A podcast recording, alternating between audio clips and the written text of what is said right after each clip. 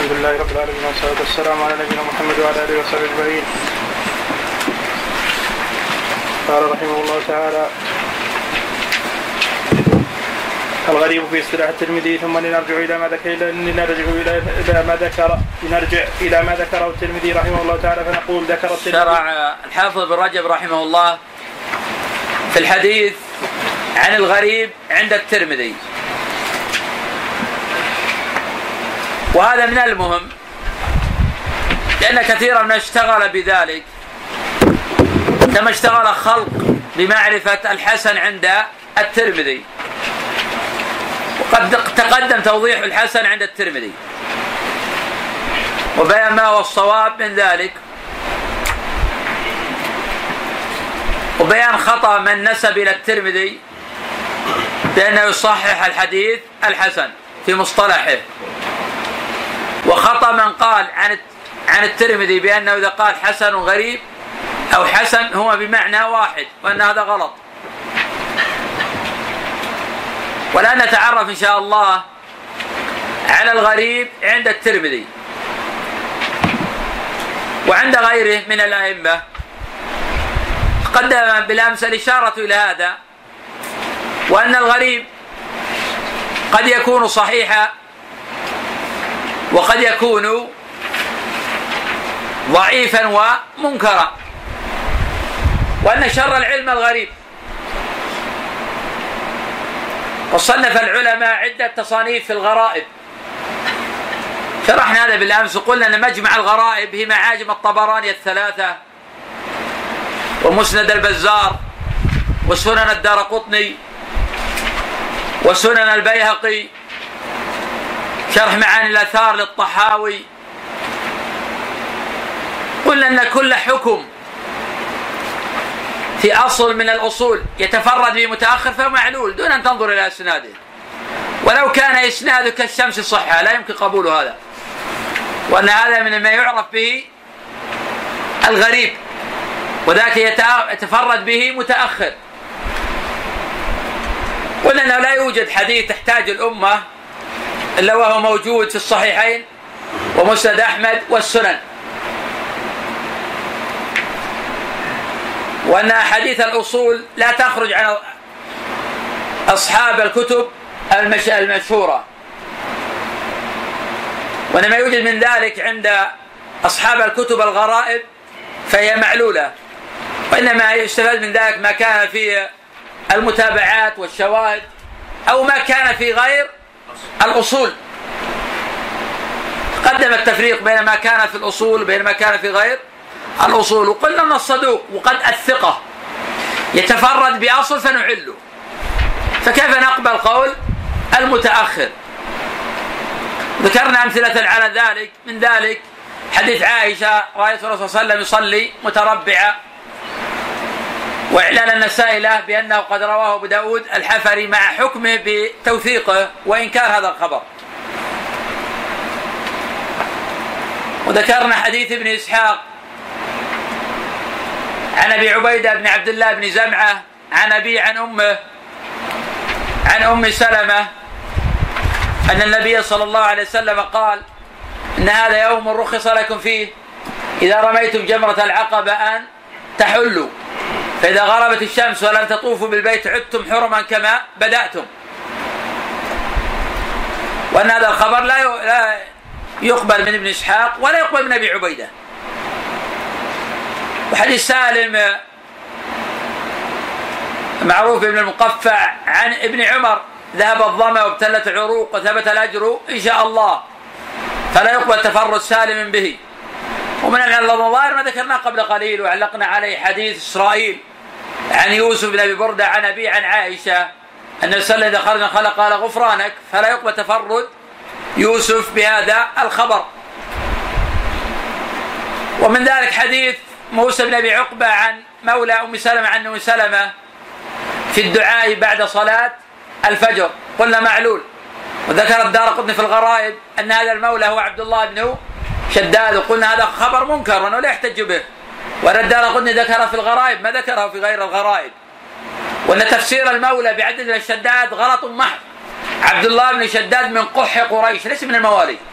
عبد الله بن شداد من قح قريش وليس من الموالي. والمحفوظ في الحديث عن موسى بن عقبة عن مولى إذا في إبهام وهو معلول وله نظائر. إن شاء الله نأخذها تباعا. نعم. أحدها ما لا يروى إلا من وجه واحد.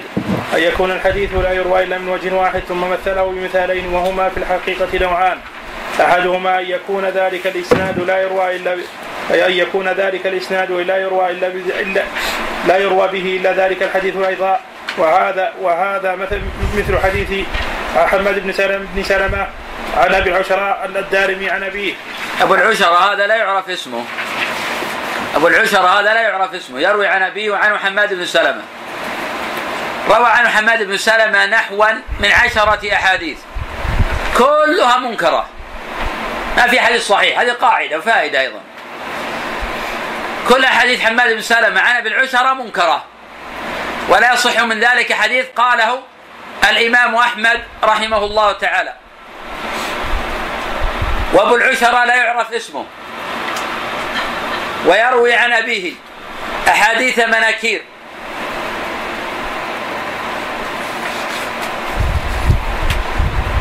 وهذا الحديث ذكره الترمذي ومثل به ومن غرائب بالعشرة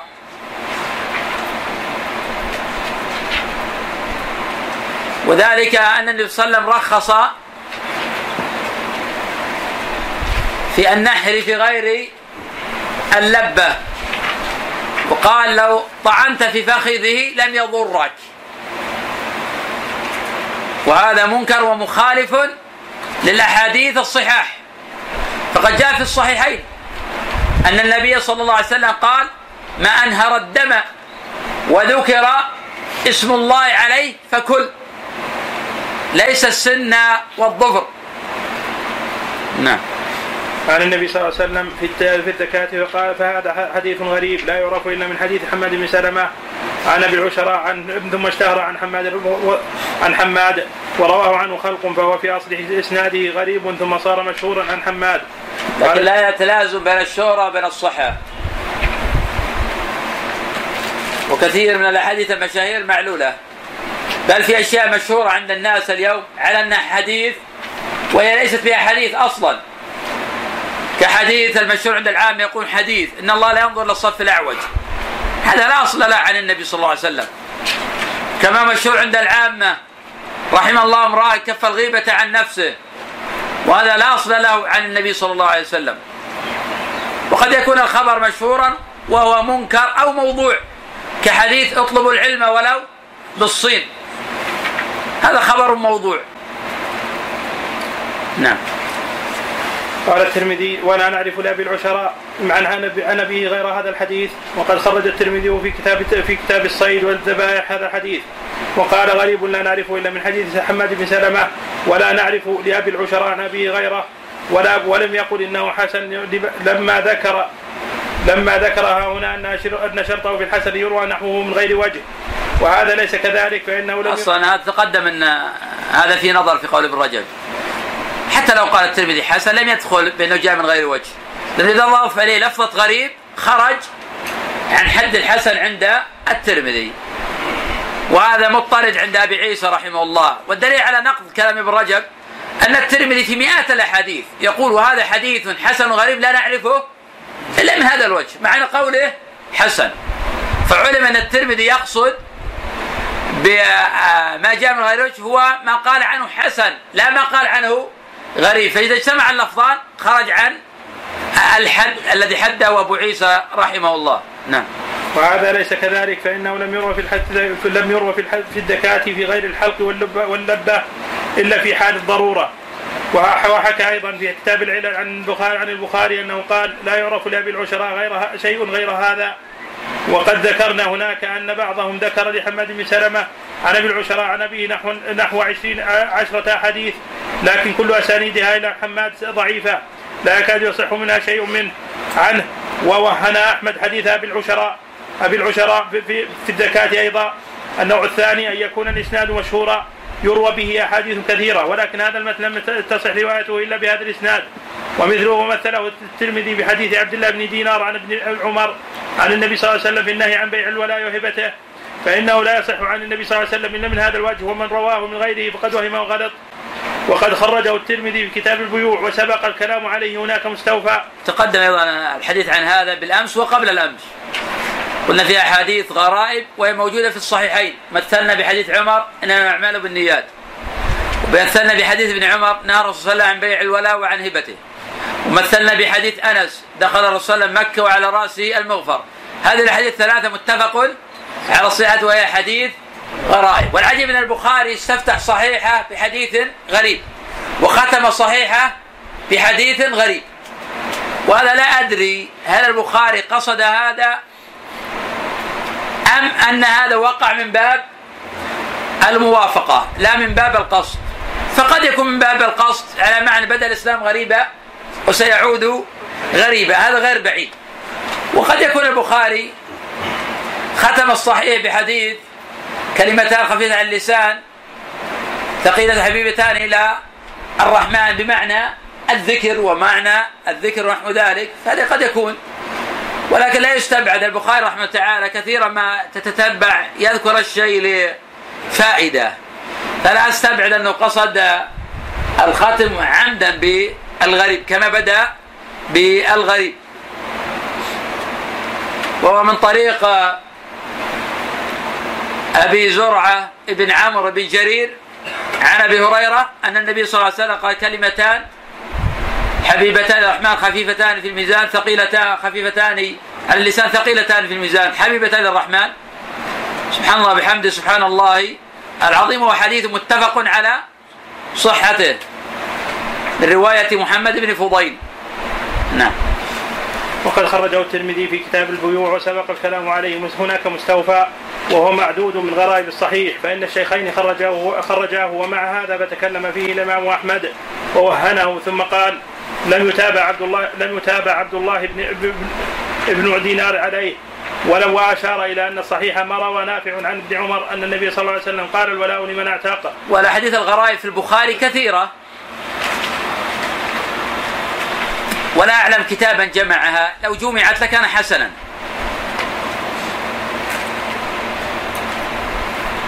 فمن ذلك حديث عبد الرحمن بن أبي الموال عن ابن المنكدر عن جابر أن النبي صلى الله عليه وسلم قال إذا هم أحدكم بالامر فليركع ركعتين من غير فريضة. حديث الاستخارة حديث غريب وهو صحيح لكن تكلم فيها الإمام أحمد.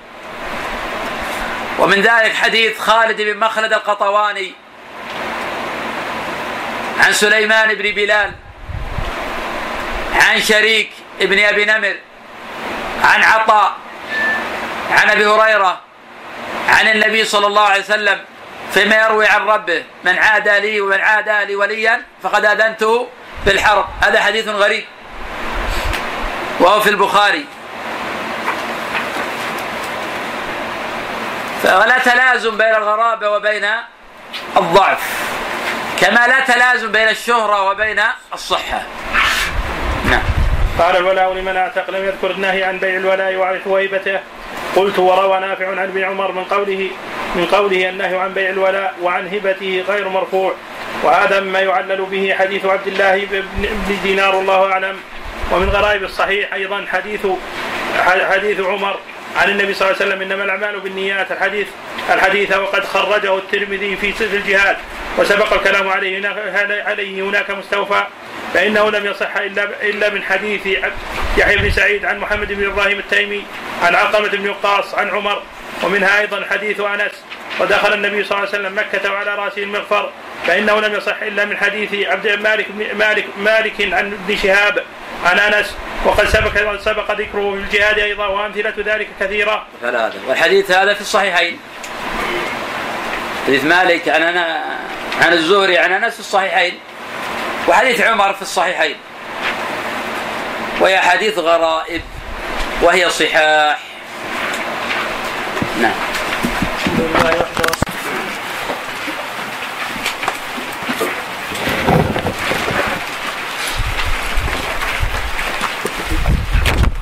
الله الرحمن الرحيم. الحمد لله رب العالمين والصلاة والسلام على نبينا محمد وعلى آله وصحبه أجمعين. قال رحمه الله تعالى زيادة الثقة. قال أبو عيسى رحمه الله تعالى ورب حديث استغرب زيادة تكون في الحديث. وإنما يصح إذا كانت الزيادة ممن يعتمد على حفظه مما الإمام أبو عيسى رحمه الله تعالى يتحدث في هذا الفصل عن حكم زيادة الثقة. وقد تقدم أن الأئمة المتقدمين لا يقبلون الزيادة مطلقة ولا يردون الزيادة مطلقة. ولا يحكمون على المسألة بحكم كلي. فتارة يقبلون وتارة يردون. والقول بقبول الزيادة مطلقة حكى ابن رجب رحمه الله عن المتكلمين والفقهاء. ولا يعرف عن أحد من أئمة الحديث. والقول برد الزيادة مطلقه غلط. الأوائل كانوا يقبلون الزيادة وكانوا يردون. ولا يحكمون على المسألة بحكم كلي. ويعتبرون في ذلك القرائن. إذا دلت القرينة على القبول قبل وإذا دلت القرينة على الرد رد.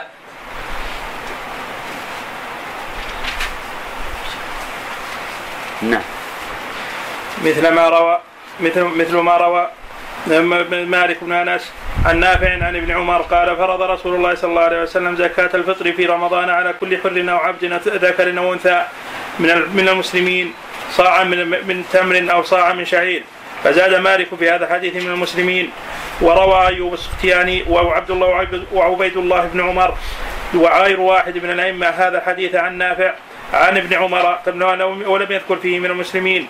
وقد روى بعضهم عن نافع مثل روايه عمر مالك ممن لا يعتمد على حفظه وقد أخذ غير واحد من الأئمة بحديث مالك واحتجوا به منهم الشافعي وأحمد بن حنبل قال إذا كان للرجل عبيد عبيد غير غير مسلمين لم يؤدي زكاة الفطر عنهم واحتج بحديث مالك فاذا زاد حافظ مما يعتمد على حفظه قبل ذلك منه عنه.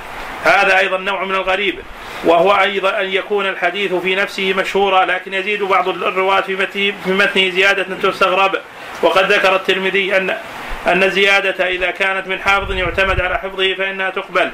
يعني وإن كان الذي زاد ثقة وإن كان الذي زاد ثقة لا يعتمد على حفظه لا لا تقبل زيادته. ذكر ابن رجب رحمه الله تبع للترمذي حديث مالك عن نافع عن ابن عمر. قال فرض رسول الله صلى الله عليه وسلم زكاة الفطر على الحر والعبد الذكر والأنثى وفي هذا قال من المسلمين. اختلف العلماء في هذه الزيادة. لا يختلف العلماء بأن الذي زادها ثقة إمام. قد كان الإمام أحمد توقف في هذه الزيادة قال في نفسي منها شيء. كان الإمام أحمد يتوقف في هذه الزيادة يقول في نفسي منها شيء. حتى رأيت العمري تابع مالكا.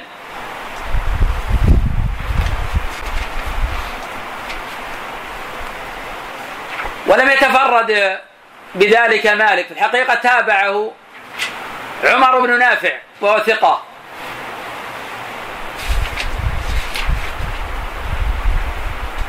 واختلف في متابعة عبيد الله بن عمر العمري. لأن المكبر تابع مالكا لكن المكبر ضعيف. لا يحتج به.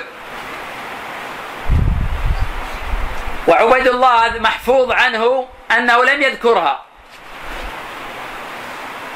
كما هو قول أكثر أصحاب نافع. وهذا هو السر في توقف الإمام أحمد رحمه الله تعالى. حتى قال رأيت العمري تابع مالكا وعلى هذا روى هذه الزيادة مالك وعبيد الله اختلف عليه والصواب عنه أنه لم يذكرها. الرواية لأن هذه أصح.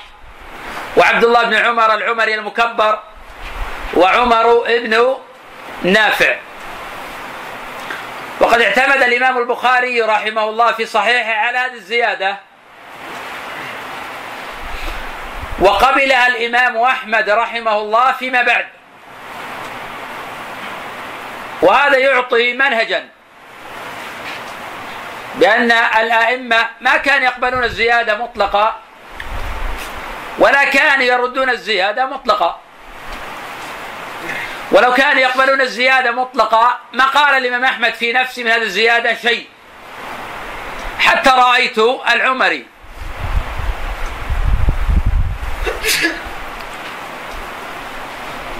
الزيادة عند المتقدمين لا تختص بالمخالفة كما هو الشأن عند طائفة من المتأخرين. مثلا يقول ابن حجر في النخبة وزيادة راويهما مقبولة ما لم تقع منافية لمن هو أوثق. وهذا القيد قول ما لم تقع منافية غير معروف عن الأئمة المتقدمين ولا أصل له. سواء كانت منافية أو لم تكن منافية. مجرد التفرد عند الأئمة هو المعتبر.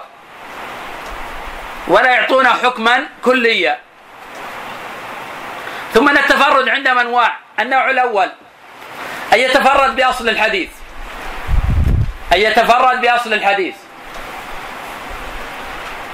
وهذا يكاد يتفق المتأخرون على أن الإسناد إذا كان صحيحا قبل. بينما كان الأوائل لا يقبلون مطلقا. قد يقبلونه وقد لا يقبلونه. وكان عند الأئمة الأوائل إذا تفرد الصدوق بأصل يعلونه. إذا تفرد الصدوق بأصل يعلونه. بل قد يعلون تفرد الثقة. كما عل الإمام النسائي حديث أبي داود الحفري وثقة. وذلك بإسناد عن عائشة قد رأيت رسول الله صلى الله عليه وسلم يصلي متربعا. أعله الإمام النسائي رحمه الله تعالى في سننه. ومن هذا أن يكون المكثر كالزهري مثلا أو قتادة راوي من الرواة عنه من أهل الصدق ولكنه ليس من الملازمين له. يتفرد بحديث عنه. هذا قد يعل بأسره ولو تفرد بأسر الحديث. كعمران القطان عن قتادة عن أنس أن النبي صلى الله عليه وسلم قال ليس شيء أكرم على الله من الدعاء. فنحن نقول عن هذا وأين أصحاب قتادة عن هذا الخبر حتى تفرد به عمران القطان؟ فهذه علة في الخبر. ومن هذا تفرد علي بن مسعد عن قتادة بحديث العجلة من الشيطان.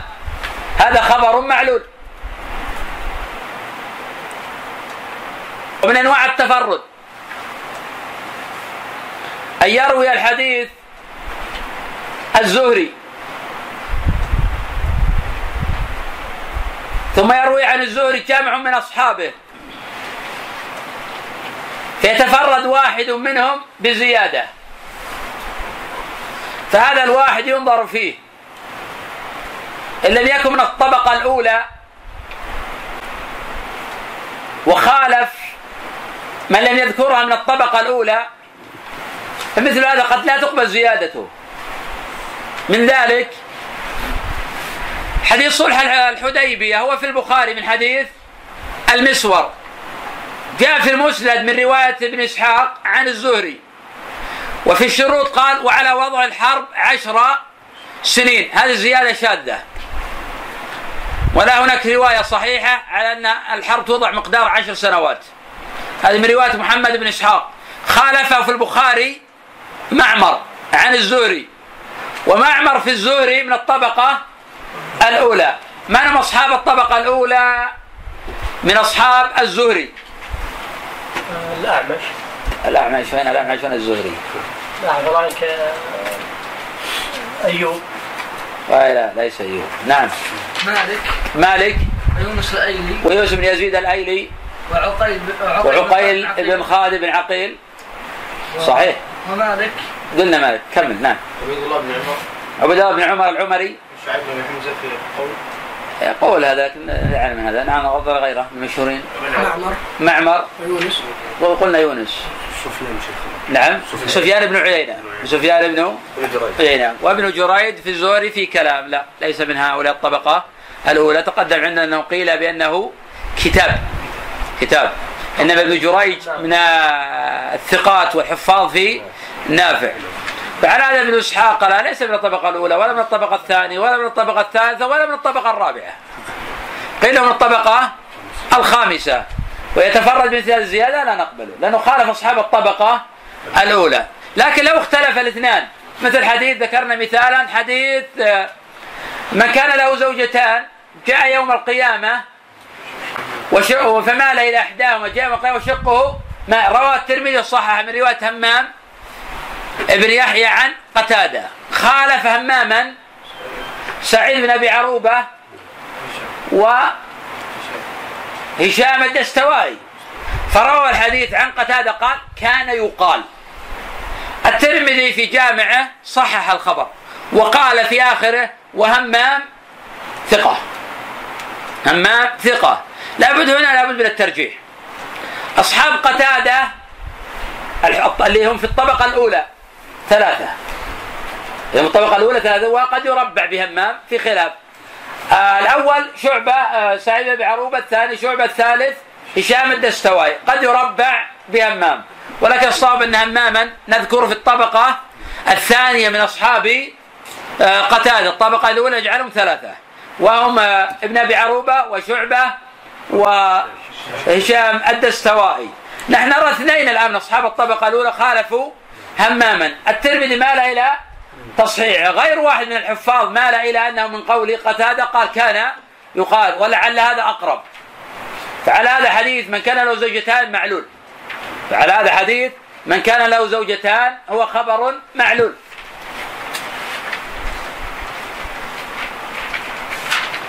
ومثلنا بالأمس بحديث إنك لا تخلف الميعاد. أذكر لنا الإسناد والطريق والعلة. ذكرناه بالأمس. ما أنت حاضر أمس؟ ذكرناه؟ خلاص أعد. حديث رواه عوف الحمزي.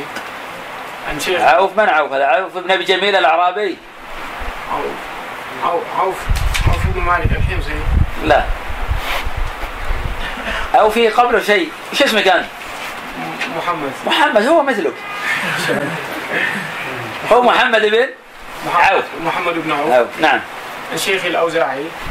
لا. عن يحيى بن ابي كثير؟ لا. عن علي بن عياش عن علي بن عياش نعم بعده.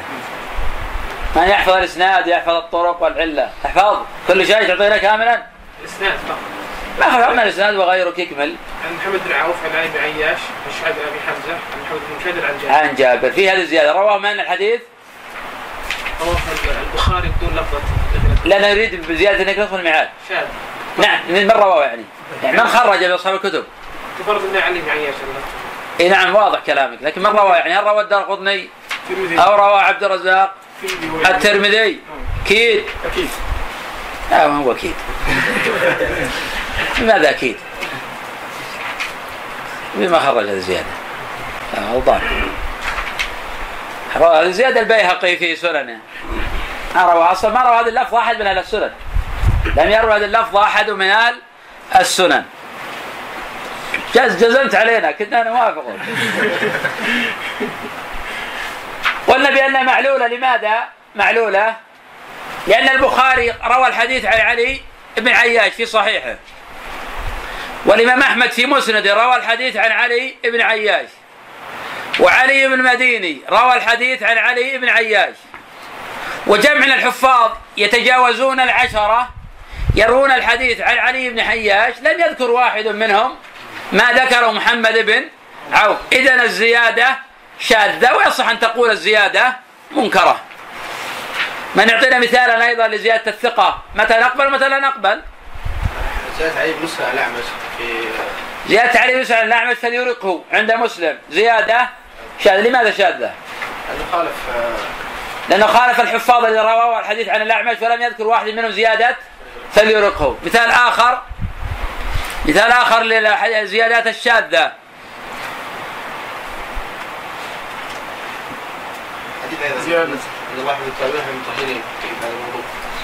هذا صحيح زيادة شاذة لكن فيها انقطاع أصلا هذه الزيادة. فيها انقطاع عند الترمذي في انقطاع الحديث. حديث شعيب بن أبي حمزة. زيادة غفرانك نعم. هذا أصل غفرانك إذا خرج منه هذا في تفرد. هذا من التفرد. أعلناه بالأمس في التفرد. عطنا إسناده مريم جبت الحديث؟ عطنا إسناده. هذا حديث يرويه إسرائيل. إسرائيل. عن يوسف بن أبي بردة. يوسف بن بردة. عن أبيه. عن أبيه. عن عائشة. أن النبي صلى الله عليه وسلم كان إذا خرج من قال غفرانك. إذا التفرد من تفرد بالحديث؟ تفرد به أولا إسرائيل غير م... إسرائيل ثقة.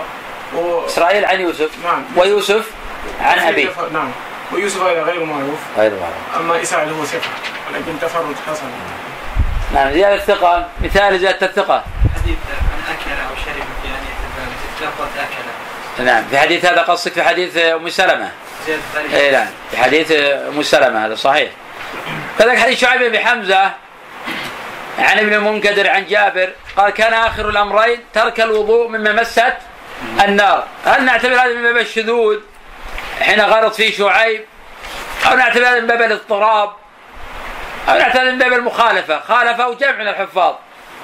فروى الحديث اكل من كاتب شيء ولم يتوضأ. فلذلك قيل إن شعيبا اختصر فغلط فيه. عموما هذا من التفرد داخل عموما في التفرد الخاطئ. نعم، المغلوط.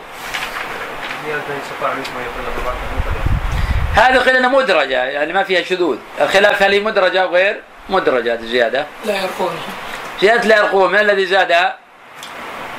أنا تحدثت عنها بالأمس وأنت حاضر. نعم لكن جبتها شيخ لا تكلمني نعم؟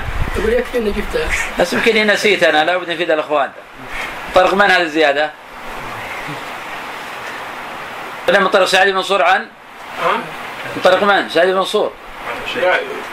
سعيد بن منصور عنه شيء عن حسين. بن عبد الرحمن عن حسين بن عبد الرحمن عن سعيد بن جبير. عن سعيد بن جوعني عن ابن عباس. نعم. وفيها تفرد وهي لفظة شاذة. نعم. وهذا أيضا ظاهر كلام أحمد الإمام أحمد. قال في رواية صالح قد أنكر على مالك هذا الحديث قد أنكر على مالك هذا الحديث. يعني زيادته من المسلمين يعني زيادته من المسلمين ومالك إذا انفرد بحديث هو ثقة. وما قال أحد ممن قال بالرأي أثبت منه.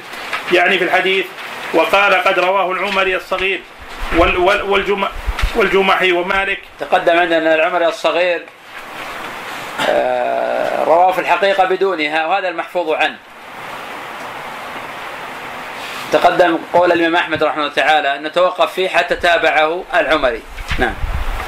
فذكر أحمد أن مالكا يقبل يقبل تفرده وعلل بزيادته في التثبيت على غيره وبأنه قد توبع على هذه الزيادة. نعم. وقد ذكرنا هذه الزيادة ومن تابع مالكا عليها في كتاب الزكاة ولا تخرج ولا تخرج من بالمتابعه ولا تخرج بالمتابعة. ولا تخرج بالمتابعة عن أن تكون زي- زيادة من بعض الرواة لأن عامة أصحاب لأن عامة أصحاب نافع لم يذكروها. وقد قال أحمد في رواية عنه كنت أتهيب حديث مالك من المسلمين يعني حتى وجد وجده من حديث العمري العمريين. يعني قيل له محفوظ هو عندك؟ من المسلمين؟ قال نعم.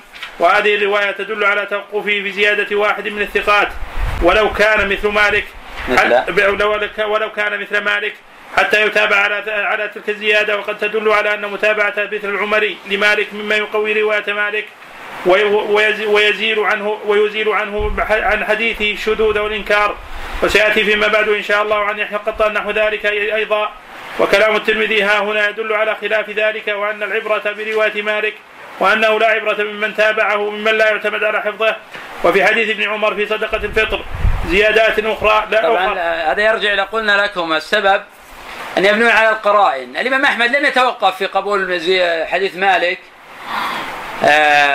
عن الزهري عن أنس دخل الرسول صلى الله عليه وسلم مكة وعلى رأسه المغفر. مع أن الترمذي في جامعه يقول لم يروه آه، كبير واحد عن الزهري إلا مالك مع أنه رواه الظاهر والذي يحفظ أكثر من عشرة. تابعوا مالكا أكثر من عشرة. ولكن ماذا يقول الترمذي؟ لفظ الترمذي دقيق يقول لم يروه كبير أحد. يعني رواه خلق لكن ليس فيه كبير أحد روى عن الزهري إلا مالك. ما ما ت- ما توقف العلماء؟ تارة يتوقفون تارة يتوقف السبب الأول في توقف من المسلمين أن خلقا رواه بدونها.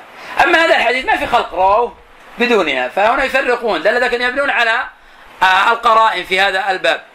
شيخ قول الترمذي ممن لا يعتمد على حفظه وقد روى عمر بن نافع هو في الطبقه الاولى عبيد الله قلت لك الله يحفظك. عبيد الله بن عمر العمري آه، آه، اختلف عليه والمحفوظ في الحقيقة أنه ما ذكرها. هذا أما عمر بن نافع على الترمذي ما وقف عليه مع انه زياده في البخاري.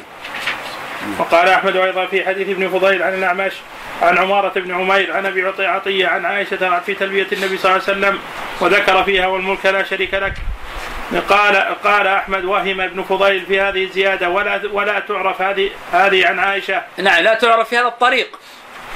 لا تعرف في هذا الطريق. لكن جاءت هذه الزيادة في الصحيحين. من رواية مالك عن نافع عن ابن عمر. ومن هذا الوجه محفوظة. وينبغي أن يتنبأ طالب العلم أن بعض العلماء قد يعل زيادة في حديث ولا يعني إعلالها في أحاديث أخرى لأن بعض الناس يتلقى المتن ولا يتنبأ لمسألة الشذوذ. الإمام أحمد عل هذه اللفظة في حديث عائشة ولم يعل هذه اللفظة في حديث ابن عمر وهي في الصحيحين. حديث مالك عن نافع عن ابن عمر. نعم. إنما تعرف عن ابن عمر وقد ذكر أن أبا معاوية روى الحديث عن الأعمش بدونها. وخرجه البخاري بدونها أيضا من طريق الثوري عن الاعمش وقال تابعه أبو معاوية قال الخلال أبو عبد الله لا لا لا لا, لا يعبأ بمن خالف أبا معاوية في الاعمش تقدم عندنا أن علي مديني حين قسم الطبقات ذكر أبا معاوية محمد بن خزن الضرير عن الاعمش في الطبقة الثالثة وقلنا الصواب أنه لا في الحقيقة لا ينزل إما الطبقة الأولى والكثير إذا قللنا اننا نضع في الطبقة الثانية. واستدللنا بما مضى في قول الإمام أحمد رحمه هذا. وهذا واضح. ومن ثم احتج الشيخان بأبي معاوية في الأعمش. ولم يحتج الشيخان بأبي معاوية في غير الأعمش. إنما يذكرونه في باب المتابعات. وأبو معاوية في هشام بن عروة مثلا يخطئ. أبو معاوية في هشام بن عروة يخطئ. وفي الأعمش لا يكاد يخطئ. حافظ ضابط متقن. ما اسم أبي معاوية؟ ما اسمه؟ محمد بن خازم الضرير. نعم. وكذلك قال وقال الخلال أبو عبد الله لا يعبأ بمن خالف أبا معاوية في الأعمش إلا أن يكون الثوري. وذكر وذكر أن هذه الزياده رواها ابن نمير وغيره أيضا. عن الأعمش وكذلك قال أحمد في رواية الميموني.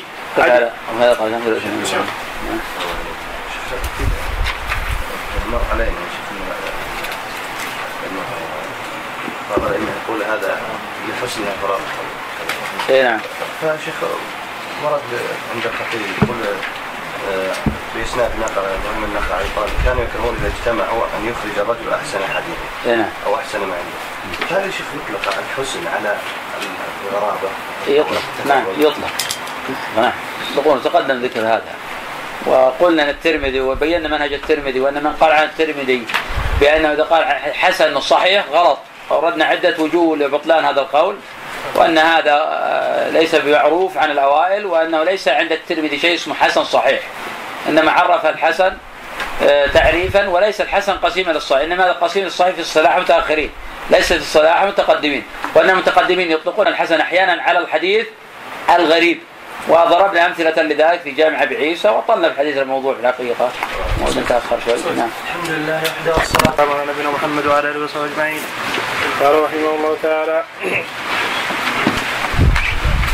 وكذلك قال أحمد في رواية الميموني حديث أبي هريرة في الاستسعاء. يرويه ابن أبي عروبه وأما شعبه شعبة وأما فلم يذكراه ولا أذهب إلى الاستسعاء والذي يدل عليه كلام أحمد في هذا الباب ان ان, إن زيادة الثقة للفظه حديث من بين الثقات إن لم يكن مبرزا مبرزا في الحديث في الحفظ والتثبت على غيره ممن لم يذكر الزيادة ولم يتابع عليها فلا يقبل تبرده وإن كان ثقة مبرزا في الحفظ على من لم يذكرها ففيه عنه روايتان لأنه قال مرة في في زيادة مالك من المسلمين كنت أن أتهيبه حتى وجدته وجدته من من من حديث العمريين وقال مرة إذا انفرد مالك بحديث هو ثقة وقال وما قال أحمد بن راي أثبت منه. نعم حديث الاستسعاء مختلف فيه.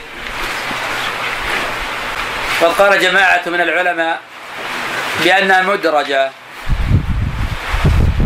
وقال آخرون بأنها شاذة لأن شعبة وهماما لم يذكرا هذه الزيادة. وقد خالفهما ابن أبي عروبة عن قتادة. فالذي يظهر من هذه الزيادة أنها غير محفوظة وأنها ليست من كلام النبي صلى الله عليه وسلم لوجهين. الوجه الأول أن شعبة وهماما لم يرويا هذه الزيادة. الوجه الثاني أن جماعة من الرواة فصلوا وبين المرفوع من غير المرفوع هذا يؤيد أن اللفظة غير محفوظة وأنها ليست من كلام النبي صلى الله عليه وسلم. فتكون اللفظة مدرجة. وهذا ما يعل به هذه الزيادة. وهذا الذي صار إليه وذهب إليه الإمام أحمد رحمه الله. فقد أعل هذه الزيادة. وهي موجودة في الصحيحين. نعم. وقال مرة إذا انفرد مالك بحديث هو ثقة وما قال أحد بالرأي أثبت منه. وقال في حديث أيوب النافع أيوب عن نافع عن ابن عمر المرفوع من حلف فقال إن شاء الله فلا حنث عليه. فلا حنث فلا حنث عليه. قال خالفه الناس وعبيد الله غيره وفوقفه نعم هذا تقدم شرح في حقيقة سؤال الأخ مر علينا الآن. وأنه معلول بالوقف. وأن عبيد الله ومن تابعه على ذلك عن نافع عن ابن عمر موقوفة أصح من رواية أيوب عن نافع عن ابن عمر مرفوعة. نعم. معنى صحيح يا شيخ؟ نعم. المعنى صحيح. يعني يجوز مثلا قال إن شاء الله. وما عليه حد نعم صحيح. إذا كان في المجلس والفاصل كان قريبا نعم. لكن الأثر لا يصح رفعه إلى النبي صلى الله عليه وسلم. لكن ما ورد في الحديث لو قال إن شاء الله النبي صلى الله عليه وسلم قال آه رزق الله مئة آه، رجل كلهم يكون فارسا في سبيل الله. فدل ذلك أن ينفع ذلك. ونتقدم الحديث عن المسألة في قصة العباس إلا الإذخر يا رسول قال إلا الإذخر نعم. الأسئلة يقطعنا مشكلة الدرس إذا نقلل الأسئلة في الدرس حتى نمضي فيه. نعم. وأما اصحابنا الفقهاء فقد فذكروا في كتب أصول الفقه في هذه المسألة روايتين عن أحمد بالقبول مطلقا وعدم مطلقا. ولم يذكروا نصا له بالقبول مطلقا مع أنه مع أنهم رجحوا هذا القول ولم يذكروا به نصا عن أحمد وإنما اعتمدوا على كلام الله لا يدل على ذلك مثل قوله مثل قوله في حديث في صفات الحج جاء فيه روايتان إحداهما فيه زيادة دم قال والزائد أولى أن يؤخذ وهذا ليس مما نحن فيه. نعم ولم يرد عن أحد من السلف أنه قبل الزيادة مطلقا. ومن نسب ذلك إلى أحد من أئمة السلف فهذا من فهمه. وما كان أئمة السلف يقبلون الزيادة مطلقة ولا كان يردونها مطلقة وكان يعتبرون في ذلك القرائن. فقد يقبلون وقد يردون. وقد أوردنا بالأمس الأمثلة كثيرة على هذه المسألة. وبسطنا القول في ذلك. نعم. روى بعضهم فيما يكون زائد أولى أن يؤخذ وهذا ليس مما نحن فيه فإن مراده أن الصحابة رووا روى بعضهم في من يفوته الحج أن عليه القضاء وعن عن, عن بعضهم عليه القضاء مع الدم. فأخذ بقول من زاد الدم فإذا روي فإذا روي حديثان مستقلان في حادثة في حادثة وفي أحدهما زيادة فإنها تقبل من الثقة كما لو انفرد الثقة بأصل الحديث. وليس هذا من باب زيادة الثقة ولا سيما إذا كان الحديثان موقوفين عن عن صحابيين. نعم وأيضا تقدم أيضا حتى إذا تفرد الرجل بالحديث ينظر في نوعية هذا التفرد. لا نقبل مطلقا ولا نرد مطلقا. ولكن ليس هذا من باب زيادة الثقة نتحدث عنها الآن. لما نتحدث الآن عن مسألة إذا روى جماعة حديثا كأصحاب الزهري رووا الحديث عن الزهري عن سعيد بن عن أبي هريرة ثم جاء واحد من أصحاب الزهري أو اثنان أو ثلاثة فزادوا لفظة في الحديث لم يذكرها. على هذا معنى زيادة الثقة. ما حكم هذه الزيادة؟ هذا اللي قلنا لا نقبل هذه الزيادة مطلقا ولا نرد هذه الزيادة مطلقا. ولو كان ثقة قلنا بالأمس حدثنا عن مالك عن نافع عن ابن عمر في زكاة الفطر من المسلمين وقلنا هذه الزيادة صحيحة. وقد توبع مالك على هذه الزيادة. قلنا زيادة معمر عن الزهري في حديث في مسلم لا صلاة لمن لم يقرأ بفاتحة كتاب فصاعدة قلنا شاذة لأن الحفاظ يرون هذا الخبر عن الزهري خلاف ما رواه معمر فهذه زيادة شاذة. وذكرنا الأمثلة كثيرة على هذا. نعم.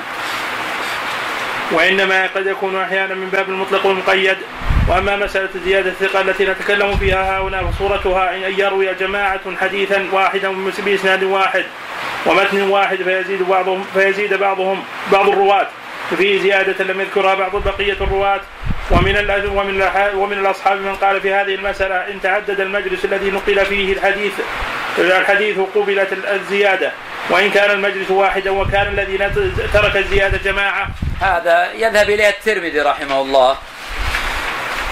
وذكر رحمه الله الترمذي هذا على حديث شعبة وسفيان عن أبي إسحاق السبيعي عن أبي برده عن النبي صلى الله عليه وسلم لا نكاح إلا بولي. فقد رواه إسرائيل عن أبي إسحاق السبيعي عن أبي برده عن أبي موسى الأشعري عن النبي صلى الله عليه وسلم.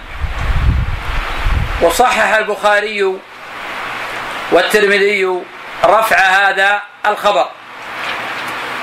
وعلل الترمذي في جامعه بأن إسرائيل ومن تابعه على ذلك قد رواه في مجالس متفرقة. وسفيان وشعبة قد روايا هذا الحديث في مجلس واحد. لكن يبقى في إشكال آخر. هب أنهم قد روايا في مجلس واحد. شعبة وحده أو سفيان وحده عن كل هؤلاء. عن إسرائيل وشريك والربيع وأمثال هؤلاء. تبقى العلة موجودة في الحقيقة.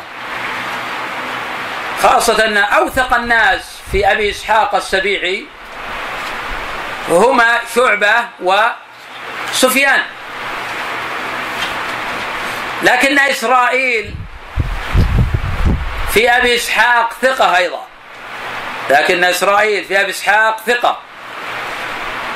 فكأن الترمذي يقول رواية شعبة وسفيان بمنزلة الرواية الواحدة. ويكون إسرائيل بمنزلة في الضبط عن أبي إسحاق. فجاءت الكثرة في صالح إسرائيل. فقد تابعه الجمع. فعلى هذا بنى وغلب الترمذي جانب الكثرة. ثم بنى على قرينة أخرى وهي قضية المجالس تعدد المجالس. ولما تعددت المجالس ولم يكن هذا عن تواطؤ. كان هذا دليلا على قوة هذه الزيادة. وعليه العمل عند كثير من العلماء هذا أنه لا نكاح إلا بولي. نعم. لا يجوز عليهم وهم لم تقبل الزيادة وإن كان ناقل الزيادة جماعة كثيرة قبلت وإن كان راوي الحديث. يرى راوي زيادة واحدا والنقصان واحدا قدم أشهرهما وأوثقهما في الحفظ والضابط قال وإن خالفت الزيادة ظاهر المزيد عليه لم تقبل. وحملوا كلام أحمد في حديث السعاية السعاية على ذلك. وليس بكلام أحمد تعرض لشيء من هذا التفصيل. وإنما يدل كلامه على ما ذكرناه أولا وأما الفرق بين أن يكون المجلس متحدا ومتعددا فإنه مأخوذ مما ذكره بعضهم. في حديث أبي موسى في النكاح بلا ولي فإن شعبة وسفيان أرسلاه عن أبي إسحاق عن أبي برده وإسرائيل وصله ويقال إن سماع شعبه شعبة وسفيان كان واحدا. والذي والذين وصلوه جماعة فالظاهر أنهم سمعوه في مجالس متعددة وقد أشار الترمذي في هذا إلى في كتاب النكاح كما تقدم. وحكى أصحابنا الفقهاء عن أكثر الفقهاء والمتكلمين قبول الزيادة إذا كانت من ثقة ولم تخالف المزيد وهو قول الشافعي. وعن أبي حنيفة أنه لا تقبل أنها لا تقبل. وعن أصحاب مالك في ذلك وجهان. وفي حكاية ذلك عن الشافعي نظر فإنه قال في الشاذ هو أن يروى وأن يروي ما يخالف الثقات. وهذا قدم عندنا أن الشاذ له أكثر من معنى. إذا تفرد الثقة عن الثقات قد يكون شاذا. وتقدم عندنا أيضا ويخالف ثقة به الملف الشاذ والمقلوق قسمتنا يعني مخالفة الثقة أيضا للثقات لمن اوثق من اعتبار شاذا هذا كله من معاني الشذوذ. والشاذ لا يحصر بالمخالفة. فلو تفرد عن أقرانه بما لم يذكروه قد يكون شاذا. قد يعبر عن الشاذ بالمنكر أيضا.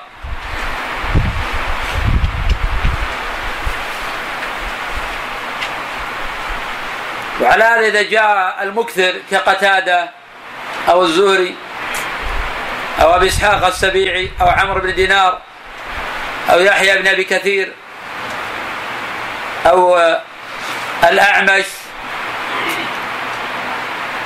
وتفرد واحد من أصحابهم بما لم يذكره الآخرون ينبغي التدقيق في ذلك. قد يكون تكون هذه الزيادة معلولة.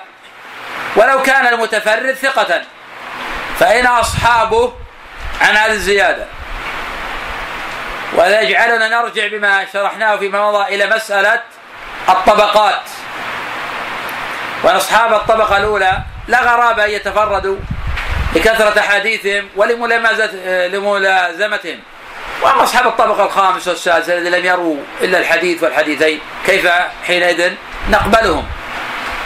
وذلك ذكرنا ومثلنا بمسألة حديث مالك عن نافع عن ابن عمر.